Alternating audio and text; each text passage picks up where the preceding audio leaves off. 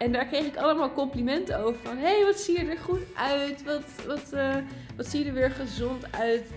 Maar ja, het ging helemaal niet goed met mij. Want ik had gewoon nog steeds een full-blown eetstoornis. Uh, een erg een lastig gebied, glibberig ijs. Dus ja, kan je dan helemaal geen complimenten meer geven over iemands uiterlijk. Oké, je mag aankomen in maar dan moet je er wel een hele goede reden voor hebben hoor. En bovendien, laat mensen leven.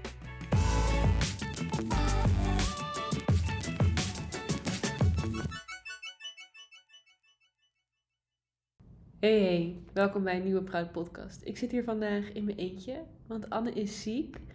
En ik vind het stiekem best een beetje spannend en kaal ineens in mijn eentje. Ik weet niet waarom. Ik heb al zoveel video's gemaakt de afgelopen zes jaar. Maar ineens vind ik dit een beetje spannend in mijn eentje. Maar ik dacht, ik wil eigenlijk toch wel gewoon graag een nieuwe podcastaflevering maken. En ik uh, ga me gewoon even uit deze comfortzone stappen. We gaan uh, zien. Er is namelijk wel iets wat ik wel interessant vond om te bespreken. Ik zit uh, tegenwoordig namelijk op TikTok. Of nou ja, ik, Proud Me, zit op TikTok. Daar maak ik uh, video's voor ons. Maar het is bijna onvermijdelijk dat je dan zelf ook veel op TikTok gaat zitten kijken. Dat is inmiddels wel een beetje een slechte gewoonte geworden. Zeker s'avonds in bed. Dat ik daardoor gewoon wat later ga slapen. En working on it. En als het TikTok niet is, dan is het wel Instagram, denk ik. Je weet hoe het gaat. Ik zit dus tegenwoordig op TikTok en daar krijg ik weer een hoop dingen mee. En een van die dingen is um, Selena Gomez. Die zit ook op TikTok. En die had een video gemaakt waarin ze uitlegt waarom haar gewicht zo fluctueert. Zij heeft namelijk uh, lupus. Het is een auto-immuunziekte waarbij het lichaam ontstekingseiwitten aanmaakt. Waardoor je dus ontstekingen gaat krijgen in je huid, in je gewrichten, in je slijmvlies en je nieren. Dus ja, alles, al je weefsels kunnen zeg maar ontstoken raken. En daar heeft ze medicatie bij om, de, om die ontstekingen tegen te gaan. Maar door die medicatie fluctueert haar gewicht heel erg. Dus ze houdt veel vocht vast. En als ze stopt met de medicatie, verliest ze het ook weer. Nou ja, ze gebruikt dus die medicatie logisch. Want uh, dat is gewoon voor haar gezondheid. Anders heeft ze last van die ziekte.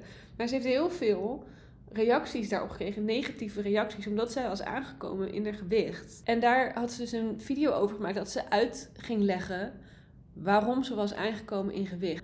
En dat is al pijnlijk genoeg om te zien, eigenlijk, dat, dat mensen er zo over vallen en zo het nodig vinden om daar dan opmerkingen over te maken. Maar ik vond het eigenlijk dubbel zo wrang dat ze zich dan moest uitleggen alsof het, alsof het dan wel oké is van, oh je, ja, oké, je mag aankomen in gewicht, maar dan moet je er wel een hele goede reden voor hebben hoor ja, ik vond dat heel erg uh, jammer. Niks ten nadele van haar dat ze dat uitlegde. Ik denk dat dat echt iets is van de dieetcultuur, waar we allemaal natuurlijk uiteindelijk slachtoffer van zijn. Ook de mensen die zo reageren.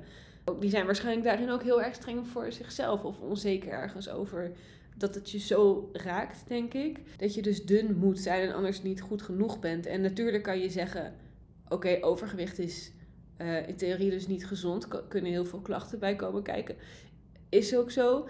Maar dat wil niet zeggen dat je dan dus een minderwaardig mens bent. En dat je dan minder behandeld zou moeten worden. En dat is wel wat er gebeurt. En dat vind ik heel kwalijk. En dus zeker ook in het geval van Selena. Ze komt misschien aan, maar haar gezondheid wordt er wel beter op. Dus het is ook helemaal niet altijd zo heel erg zwart-wit. En in Selena haar geval, of Selina trouwens, ik uh, vernederlands het eventjes al de hele tijd. Uh, in Selina haar geval is het uh, ook nog een soort van tastbaar van, oh oké, dit is een tastbare fysieke ziekte waar je medicatie voor gebruikt. En die medicatie heeft dit als bijwerking, maar is overal gewoon beter voor je gezondheid. Maar hoeveel mensen zijn er wel niet die met mentale problematiek worstelen, die helemaal niet zo zichtbaar of tastbaar is. Bijvoorbeeld als je worstelt met een eetstoornis en je hebt last van eetbuien. En de hele tijd probeer je je gewicht onder controle te houden door uh, weer een of ander dieet te volgen en heel streng te zijn voor jezelf. Maar eigenlijk werkt dit gewoon zo averechts voor je mentale gezondheid. En heb je helemaal geen baat bij een volgend dieet of je gewicht onder controle te proberen te houden. Maar is het voor jouw algehele fysieke en mentale gezondheid zo belangrijk om vrede te vinden met jezelf en acceptatie voor je lichaam. En ja, dus weet je wat, wat hoe zwaar weegt dat gewicht dan op dat vlak? En dit zijn ook weer allemaal fases in je leven waarin dat elke keer anders kan zijn. Maar het is gewoon niet zo zwart-wit.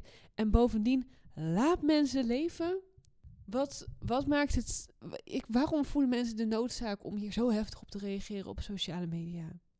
Waarom? Ik vraag me dat soms echt af. Mag iemand toch gewoon weten wat. Ja. Ja. Laat mensen leven dat is toch eigenlijk wel een beetje waar ik volgens mij heen wilde gaan. live and let live. Als we dat allemaal gewoon een klein beetje meer zouden kunnen hebben. Richting elkaar en richting onszelf. Nou ja, goed. Uh, je, je bepaalt dus niet hoe gezond jij bent.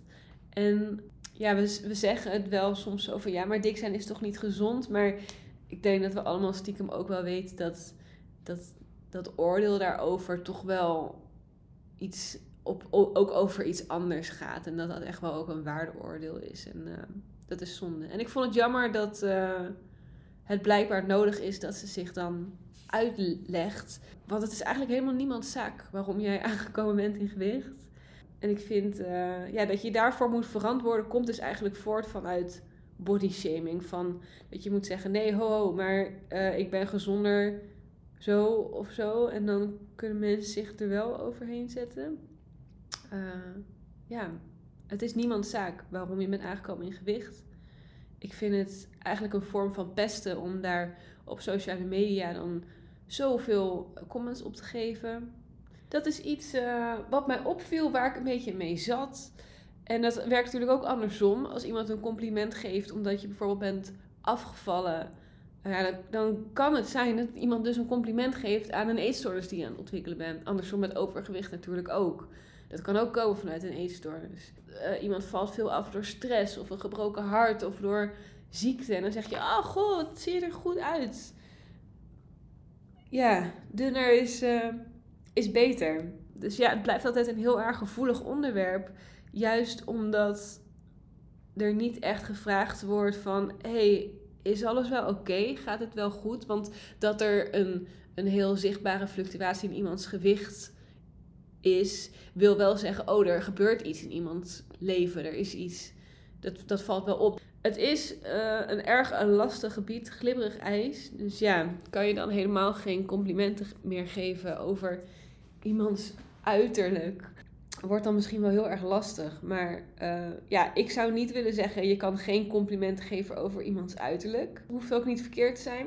Maar wees je er wel bewust van wat het met iemand kan doen. En waarom iemands uiterlijk of gewicht misschien verandert. En met wat voor reden je dat compliment of dat oordeel of zo maakt. En sowieso, mensen op het, ik ja, mensen op het internet. Ik vind het internet echt een heftige plek om te zijn.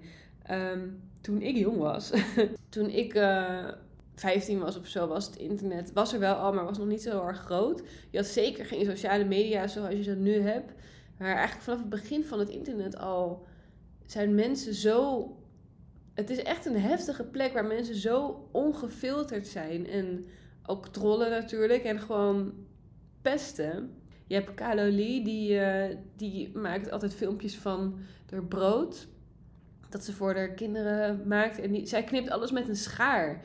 En hoe mensen er dan overheen vallen dat zij met een schaar die boterham knipt. Of een half plakje servelator op, op een boterham met kaas erbij doet. Dat het gierig is en ik wil, zou jou echt niet als moeder willen en dat je dat je kind aandoet en eh, met die schaar, gadverdamme. Ik vind het zo heftig dat mensen zich zo genoodzaakt voelen om ja, een ander zo de grond in te stampen eigenlijk. En dat, dat is wel heel erg kenmerkt aan het internet. En ik denk dat ook zeg maar, bij anderen die haatcomments zien of juist zien dat iemand ontzettend mooi is, terwijl bijna niks op het internet is echt en alles is gefilterd. Het kan gewoon best wel onzeker maken. Dus zorg daarin goed voor jezelf. En, ik, en doe af en toe misschien even een sociale media detox. Ik denk dat het heel waardevol is om bewust stil te staan bij je sociale media gebruik. En wat het met je doet. Wat het toevoegt aan je leven of, of juist niet. En dat je daarin ja, toch bewust, bewust voor jezelf zorgt. En het daar misschien ook met elkaar over hebt. Of als je in therapie bent, het daar in therapie over hebt. Want het is gewoon een heftige plek. Ja, dat wilde ik toch even kwijt. En het is zo'n groot deel van ons leven tegenwoordig, hè, van de meeste mensen. Dus ja, ik denk dat het wel heel waardevol is om, daar, uh, om het daar ook echt over te hebben. En ik ben wel benieuwd hoeveel van jullie het met elkaar of in therapie hebben over jullie sociale media gebruik en ervaringen. Ja, daar ben ik wel benieuwd naar. Hoe is dat voor jullie? Uh, zijn jullie daar bewust mee bezig? Of uh, overvalt het je eigenlijk allemaal een beetje? Hoe zou je dat vormgeven voor jezelf? Maar goed, je kan opmerkingen over gewicht en uiterlijk niet altijd voorkomen. Want dit gebeurt misschien op het internet, maar het gebeurt ook gewoon wel in het dagelijks leven. En soms is het ook helemaal niet verkeerd bedoeld, maar komt het toch naar over. Dus hoe kan je hier nou mee omgaan? Ik weet nog dat toen ik, uh, ik had anorexia zelf en ik was uh, ja, heel dun en ongezond dun. Ik had ondergewicht en op een gegeven moment kreeg ik last van eetbuien. Dus ik kwam weer aan in gewicht. En daar kreeg ik allemaal complimenten over. Van, hé, hey, wat zie je er goed uit? Wat, wat, uh, wat zie je er weer gezond uit? Maar ja, het ging helemaal niet goed met mij. Want ik had gewoon nog steeds een full-blown eetstoornis. Ik had alleen, alleen mijn gewicht ging omhoog.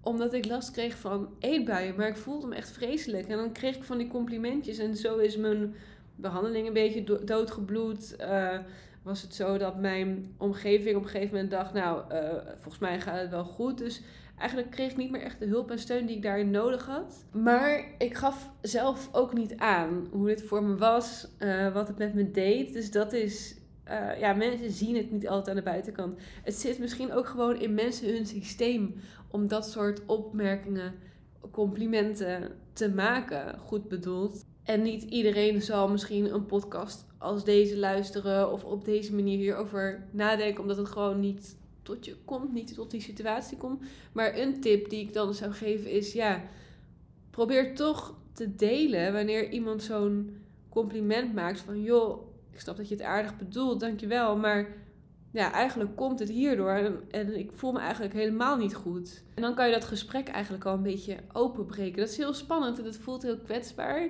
Maar ik denk uiteindelijk dat ja, er, erover praten, dat uiteindelijk gewoon heel erg goed uh, kan helpen. Gewoon uiten van joh, uh, maar het is eigenlijk zo voor me. En maakt iemand zeg maar nou zo'n compliment uh, die je verder niet goed kent, waarvan je denkt nou ik hoef eigenlijk niet met hem of haar heel kwetsbaar hierover te gaan praten dan is het misschien gewoon voor jezelf om dan te denken van oké, die persoon zegt dit, maar ik weet dat het zo zit dat je het even relativeert van even relativeert, ik zeg alsof het heel makkelijk is, maar dat je het probeert te relativeren van oké, dit is zo bedoeld, maar diegene weet deze informatie niet, dus daarom zegt diegene het zo en je kan het voor jezelf relativeren, maar je kan dan ook bijvoorbeeld naar iemand anders toe gaan of naar therapie en dan aangeven van joh, iemand zei dit en ik zat er zo mee. Dat je met iemand anders eventjes daarover kan praten.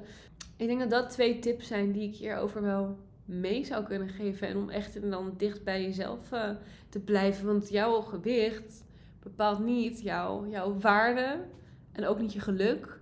Want ook al kwam ik aan in gewicht wat in theorie gezonder was, ik was absoluut niet uh, gezonder ja, welk gewicht je ook hebt. Je bent niet een meer of minder waardevol mens.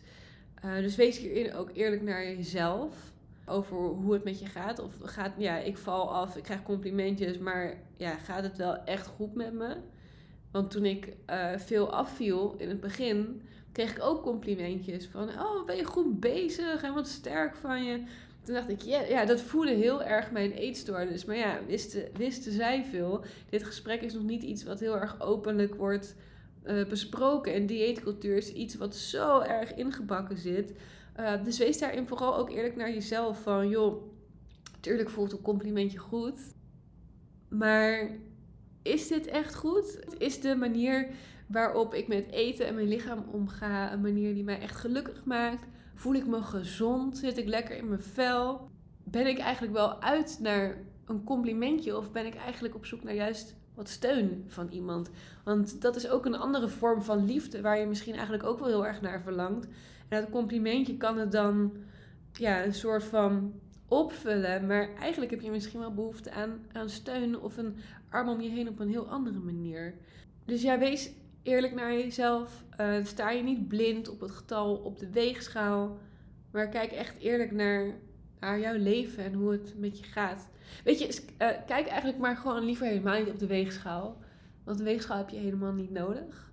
En probeer echt te luisteren naar jouw eigen behoeftes en hoeveel stress je ervaart over eten, je gewicht, je, je zelfbeeld. En als je er tegenaan loopt, praat er met iemand over. Dat kan iemand zijn in je omgeving, maar uh, dat kan ook bijvoorbeeld een huisarts zijn. Als je merkt, joh, dit beïnvloedt echt wel flink mijn dagelijks leven en ik kom hier eigenlijk niet uit voor mezelf. En ik durf het ook niet zo heel erg goed anders te doen. Maar ik voel wel, dit, dit gaat niet de goede kant op. En hoe eerder je erbij bent, hoe beter. Maar het is ook nooit te laat. Dus um, trek aan de bel. Neem iemand in vertrouwen als jij op wat voor manier dan ook worstelt met je zelfbeeld.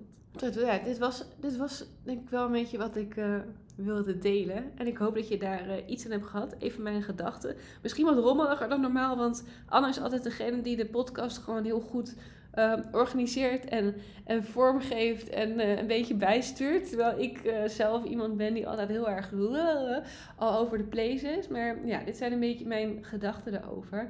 En meestal beginnen we natuurlijk de podcast met wat onze momentjes van de afgelopen tijd waren. Ik denk dat mijn momentje nu wel is dat ik de podcast in eentje heb opgenomen. En ehm, ja, dat ik daar wel trots op ben. En deze praatmomentjes delen we juist om uit te dragen van... hey, het is goed en oké om trots... Wees trots op jezelf, op de dingen die je doet. Sta daarbij stil. Dus ook bij deze aan jou de vraag... Wat is jouw praatmomentje van de afgelopen week? En het hoeft ook helemaal geen ene drol met gewicht uh, te maken te hebben. Zoek het zeker juist daarbuiten. Uh, in wie jij bent uh, als persoon. En dan zien wij je volgende week weer bij een volgende podcast. En dan is Anne hopelijk weer beter. Beterschap Anne als je dit luistert. En beterschap aan iedereen die uh, een beetje ziek is deze tijd. Want volgens mij heerst het weer behoorlijk. Ik ben ook heel erg toe aan de lente. Het is echt blech, flut weer gewoon de afgelopen dagen. En volgens mij volgende week ook veel regen, jongens. Maar de lente komt. Hij gaat komen. Oké, goed. Ik ga afsluiten. Bedankt voor het luisteren en tot de volgende. Doei!